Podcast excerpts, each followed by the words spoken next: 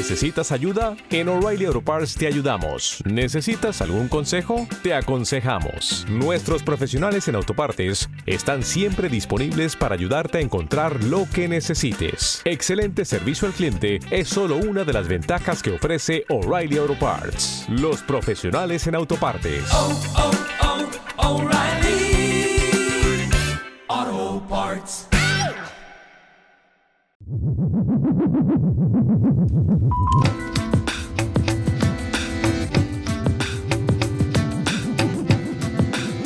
Cando morre unha estrela xigante vermella ou estoupa unha supernova, prodúcese unha importante poeira espacial.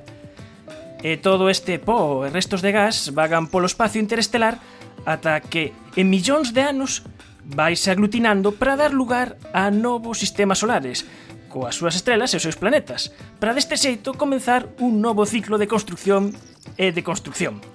Neste proceso hai moitas cousas que coñecemos pero outras tantas que descoñecemos, de tal xeito que a Unión Europea financiou con 15 millóns de euros o proxecto Nanocosmos, gas e poestelar o laboratorio, que vai ser o protagonista do noso tempo de parolada.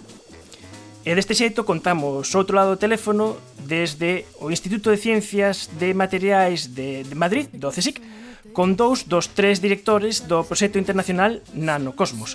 Os profesores de investigación José Cernicharo, moi boas tardes. Buenas tardes. E o profesor tamén de investigación José Ángel Martín Gago. Moi boas tardes. Buenas tardes a todos. Este é un proxecto multidisciplinar, no que des, desde o máis grande ao máis pequeno, Eh, como surdiu a idea de facer este proxecto? Bueno, el estudio de eh, las propiedades físico-químicas del medio interestelar está basada en el estudio de propiedades de entes muchísimo más pequeños que los objetos que estudiamos, que son los átomos y las moléculas. Cuando uno mira al cielo en una buena noche de verano y mira la Vía Láctea, ve que sobre el fondo lechoso de las estrellas de la Vía Láctea hay una serie de manchas, manchas oscuras, que están producidas justamente por lo que son las cenizas de las estrellas, de las estrellas que han llegado a las últimas fases de su vida y eyectan su masa en forma de partículas de gas y de granitos de polvo. Estos granitos de polvo se forman justamente en esas fases últimas de la vida de las estrellas y tienen un papel fundamental en la evolución posterior del material que se encuentra entre las estrellas, de lo que nosotros llamamos las nubes interestelares, que es donde se forman nuevas estrellas. Entonces, el gran problema que hay al estudiar cuáles son las propiedades de esos pequeños granos de polvo, a partir de los cuales eh, no es nada despreciable lo que ocurre, porque es que permiten que exista una química muy compleja al proteger al gas de la radiación ultravioleta de las estrellas. Pero no solo eso, es que cuando se forma un sistema planetario en torno a una nueva estrella, esos pequeños granos de polvo son los que van a dar lugar a la formación de planetas rocosos, como el de la Tierra. Y cuando queremos comprender cómo se formaron esos granos de polvo, nos encontramos con una situación en la cual prácticamente no conocemos nada. El proyecto se gestiona hablando entre distintos investigadores de áreas muy diversas cómo podríamos poner en evidencia los mecanismos físicos y químicos que dan lugar a la formación de esas pequeñas partículas de, polvo, de las atmósferas, de las estrellas eh, que están ya en las últimas fases de su vida. Cada estrella tiene una duración en función de su masa y casi todas las que sean como el Sol terminarán con una fase de gigante roja eyectando al espacio una gran cantidad de materia en forma de pequeños granos de polvo. Comprender cómo se forman esos pequeños granos de polvo, cómo interaccionan entre ellos, cuáles son sus propiedades químicas, requiere algo más que la pura astrofísica, requiere los experimentos de laboratorio, requiere intentar comprender pues procesos que son eh, microscópicos a partir de los cuales eh, todo lo que vemos luego con nuestros telescopios, pues nuestra interpretación va a depender de esos pequeños procesos, de esos procesos a escala atómica y molecular, y para poder afrontar el problema, pues es necesario unirse equipos de distintas disciplinas para poder atacar los digamos los experimentos que podrían simular las condiciones físicas que hay en el espacio. E dese xeito, vos sodes especialistas precisamente de áreas eh, moi diferentes, porque José Cernicharo tives da, do lado da astrofísica e José Ángel Martín Gago ti da nanotecnoloxía máis grande co máis pequeno. Exacto, sí, sí. Esa es una de las ideas originales de este proyecto, que combinamos los dos extremos. Digamos, lo más grande, que es lo que se trata de explicar, esos objetos que existen en el universo, usando metodologías nuevas que pocas veces se han utilizado, que son las técnicas en nanotecnología. Eh, mi especialidad es nanotecnología y nanociencia y ahí intentamos entender cómo funciona el mundo de los átomos y las moléculas, sobre todo en las superficies de los cuerpos, de los materiales. Y bueno, esa es la combinación interesante, eh, juntarse gente que tiene distintas especialidades para abordar problemas muy punteros y muy difíciles. Porque a información que se ten eh, do pó estelar se consigue gracias aos radiotelescopios, porque non se pode ver con luz visible, hai que mirar en outras frecuencias, hai que mirar en infravermello, aí tedes datos, tedes modelos, pero que era complicado poder, casi como que en di, tocar e estudar, é ter precisamente ese, ese pó e estudalo aquí no laboratorio. entonces vos decidides eh, simular e facer a vosa propia máquina de creación dese pó interestelar. Así es. Nosotros uno de los objetivos del proyecto es construir una máquina con todo, digamos, las ideas que tienen los astrónomos, las ideas que vienen del grupo de Pepe y de Christine en Toulouse, para intentar simular con la mayor precisión posible los procesos que se pueden dar en cerca de las estrellas, en esa región del espacio. Y todo eso simularlo en una máquina para poder, digamos, completar o entender mejor los datos que ellos pueden obtener o para hacer modelos de cómo pueden suceder eh, las cosas y cómo se forma ese polvo. É tamén importante eh, neste proxecto que iniciouse no 2014 que agora está en funcionamento o radiotelescopio ALMA, que está en Chile, en Atacama. Así es, los eh, radioastrónomos, nosotros trabajamos en una rama de la, de la astrofísica que se llama astroquímica o astrofísica molecular. Y lo que hacemos es utilizar radiotelescopios para ver la emisión de las moléculas que se encuentran en el espacio.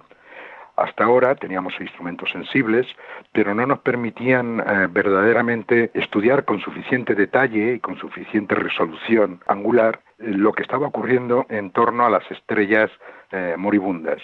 El interferómetro ALMA empezó a funcionar hacia el año 2010-2011 y ahora está ya en pleno, en pleno rendimiento. Es el proyecto más ambicioso de la astrofísica a nivel mundial. Contribuyen Estados Unidos, contribuye Japón, contribuye Europa y eh, es verdaderamente eh, un proyecto en el cual eh, conseguimos reconstruir un radiotelescopio que tuviese un tamaño de unos 20 kilómetros de diámetro, utilizando una gran cantidad de antenas mucho más pequeñas, de radiotelescopios mucho más pequeños, colocados en distintas posiciones.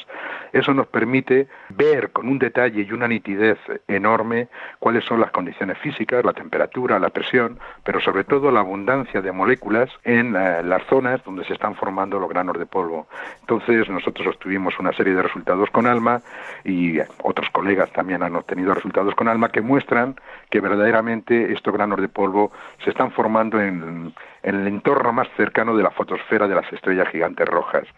Sin este instrumento sería muy difícil dar los parámetros a nuestros colegas de laboratorio que hay que intentar reproducir, porque claro, no es lo mismo trabajar en las condiciones físicas del medio interestelar, que son eh, verdaderamente muy diferentes desde la Tierra, eh, que trabajar en un laboratorio normal. No, aquí lo que está haciendo nuestro colega eh, José Ángel Gago es construir una máquina que reproduce de la mejor manera posible, nunca, es pos nunca se va a conseguir reproducir las condiciones físicas del espacio, pero sí nos podemos aproximar muchísimo.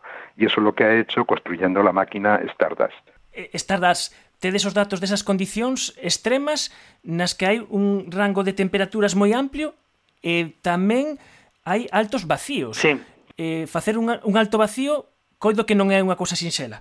Bueno, la máquina tiene la particularidad que eh, es una máquina muy larga, tiene unos, o tendrá, porque estamos todavía acabando de montarla, unos 6-7 metros de longitud, y en esa máquina se evoluciona. Cerca de la estrella, las presiones pues no son tan bajas como puede ser luego en el espacio interestelar. Son relativas, para nosotros son presiones que son 100 veces menores que la atmosférica, pero para nosotros es muy fácil. Entonces en nuestra máquina lo que hacemos es un gradiente, o sea que en una parte, la parte que simula la parte más cercana a la estrella, la presión ahí sea más alta y luego vaya disminuyendo, disminuyendo, disminuyendo hasta presiones parecidas a las que uno puede encontrar en el espacio. Para ello utilizamos una tecnología de vacío muy potente. Es un diseño único para poder conseguir esos gradientes de presión que son necesarios para simular un poco el viaje de una partícula desde que se forma cerca de la estrella hasta que viaja, viaja, hasta que se escapa de la misma, ¿no? Cómo va interaccionando con todo el gas, cómo va creciendo, qué cosas le van pasando, ¿no? Es lo que queremos simular en esta máquina, que tiene solo 7 metros, mientras que en las cerca de las estrellas son muchísimos años y distancias enormes, ¿no?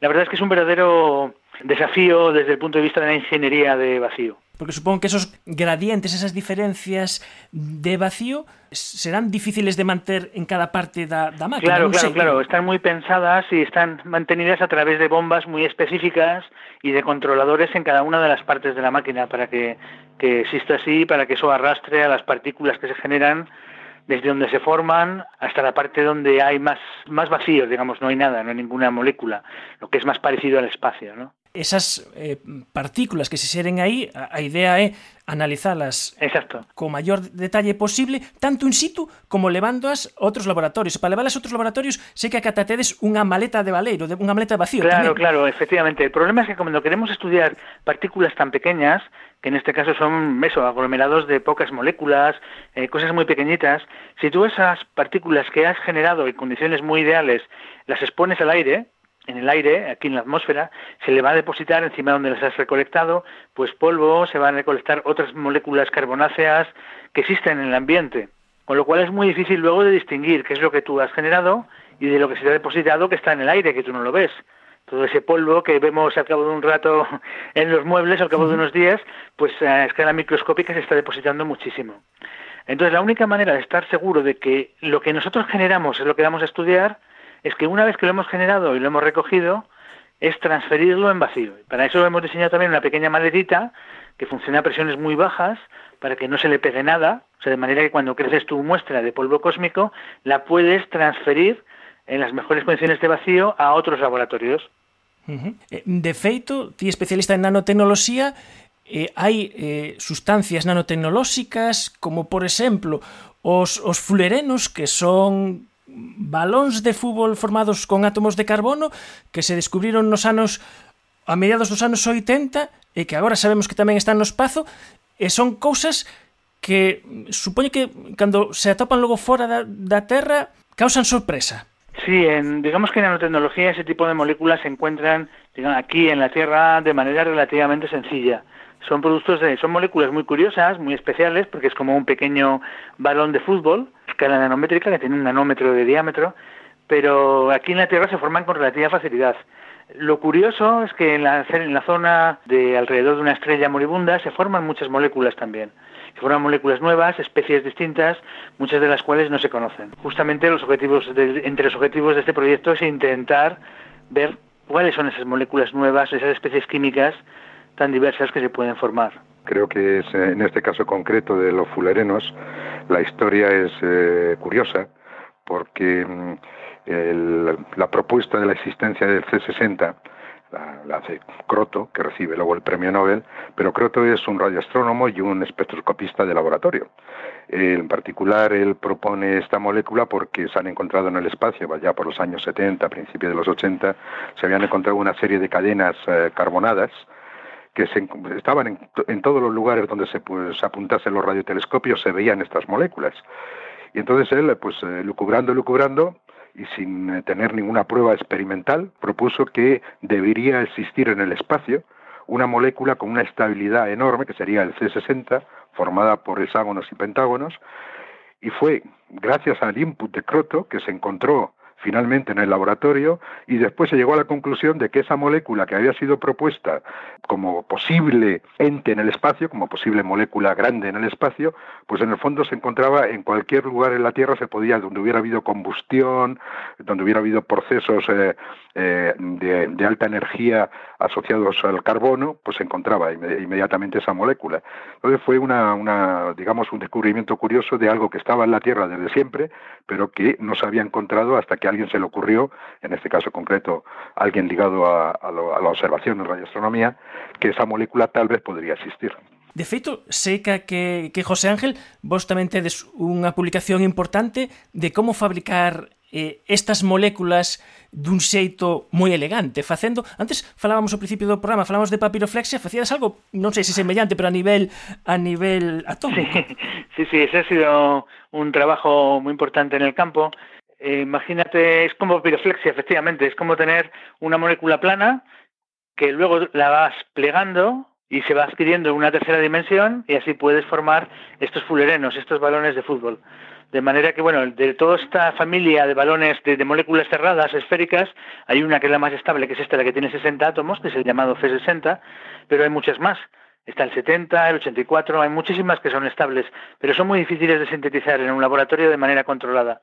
Entonces, si nosotros somos capaces de generar una molécula plana, tal que haciéndole pequeños pliegues uno pueda formar estas moléculas, pues tendríamos una forma muy controlada de formarlas.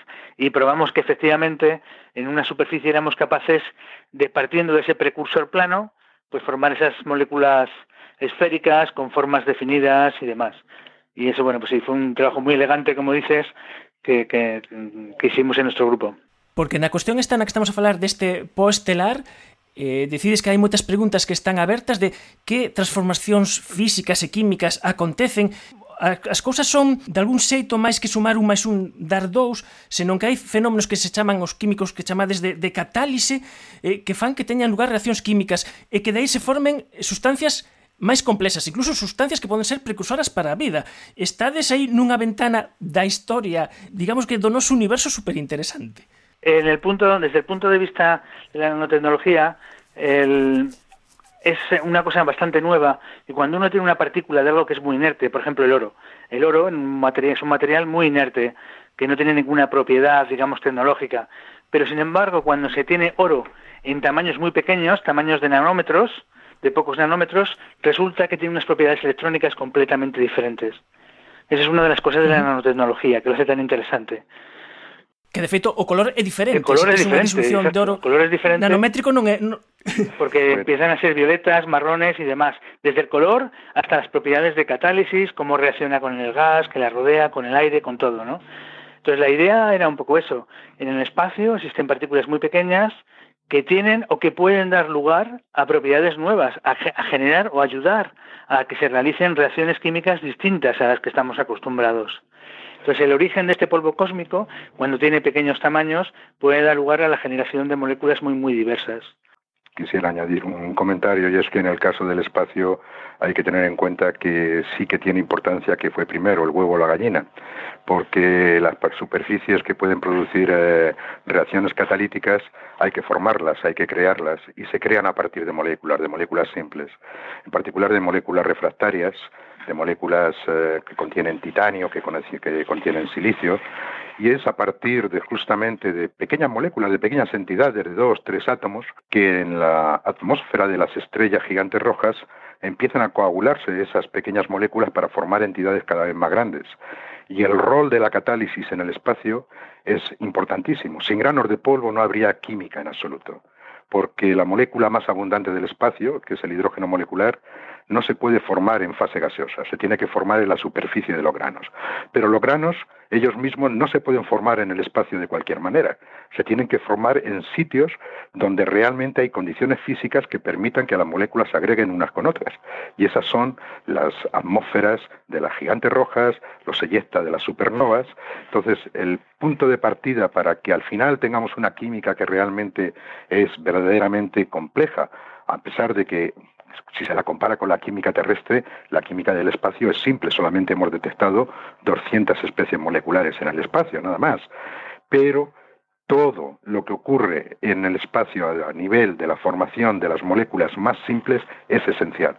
Y los granos de polvo se forman en las estrellas, son eyectados al medio interestelar y una vez en el medio interestelar juegan un papel esencial para permitir que la química siga avanzando. A partir de esos granos se forma el hidrógeno molecular. Y una vez que hay hidrógeno molecular, por reacciones complejas, por interacción con rayos cósmicos que ionizan el, hidrógeno molecular, se permite una química rápida en la que aparece el vapor de agua, aparece el monóxido de carbono, aparecen eh, moléculas prebióticas como el cianuro de hidrógeno. Sin los granos de polvo, esas moléculas no existirían. Y esos granos de polvo en el espacio, porque se forman en condiciones de muy alta temperatura, en torno de 1500, 2000 grados, pero en el espacio, cuando son eyectados y están en las nubes donde se forman las estrellas, esos granos de polvo están a 260 grados bajo cero. Entonces, las moléculas que se van formando en fase gaseosa, cuando llegan a la superficie del grano que está tan frío, se quedan pegadas. y esperan que llegue otra molécula y esas, eh, digamos que la superficie va a actuar como catalizadora para permitir reacciones que en fase gaseosa no se pueden producir y sin embargo la superficie sí. Esos granos de polvo se van recubriendo poquito a poco de capas de hielo y cuando se forma un disco en torno a una estrella nueva, una estrella joven, esos granos de polvo contienen cantidades de metano, cantidades de vapor de, de hielo de agua, contienen amoníaco, contienen monóxido de carbono.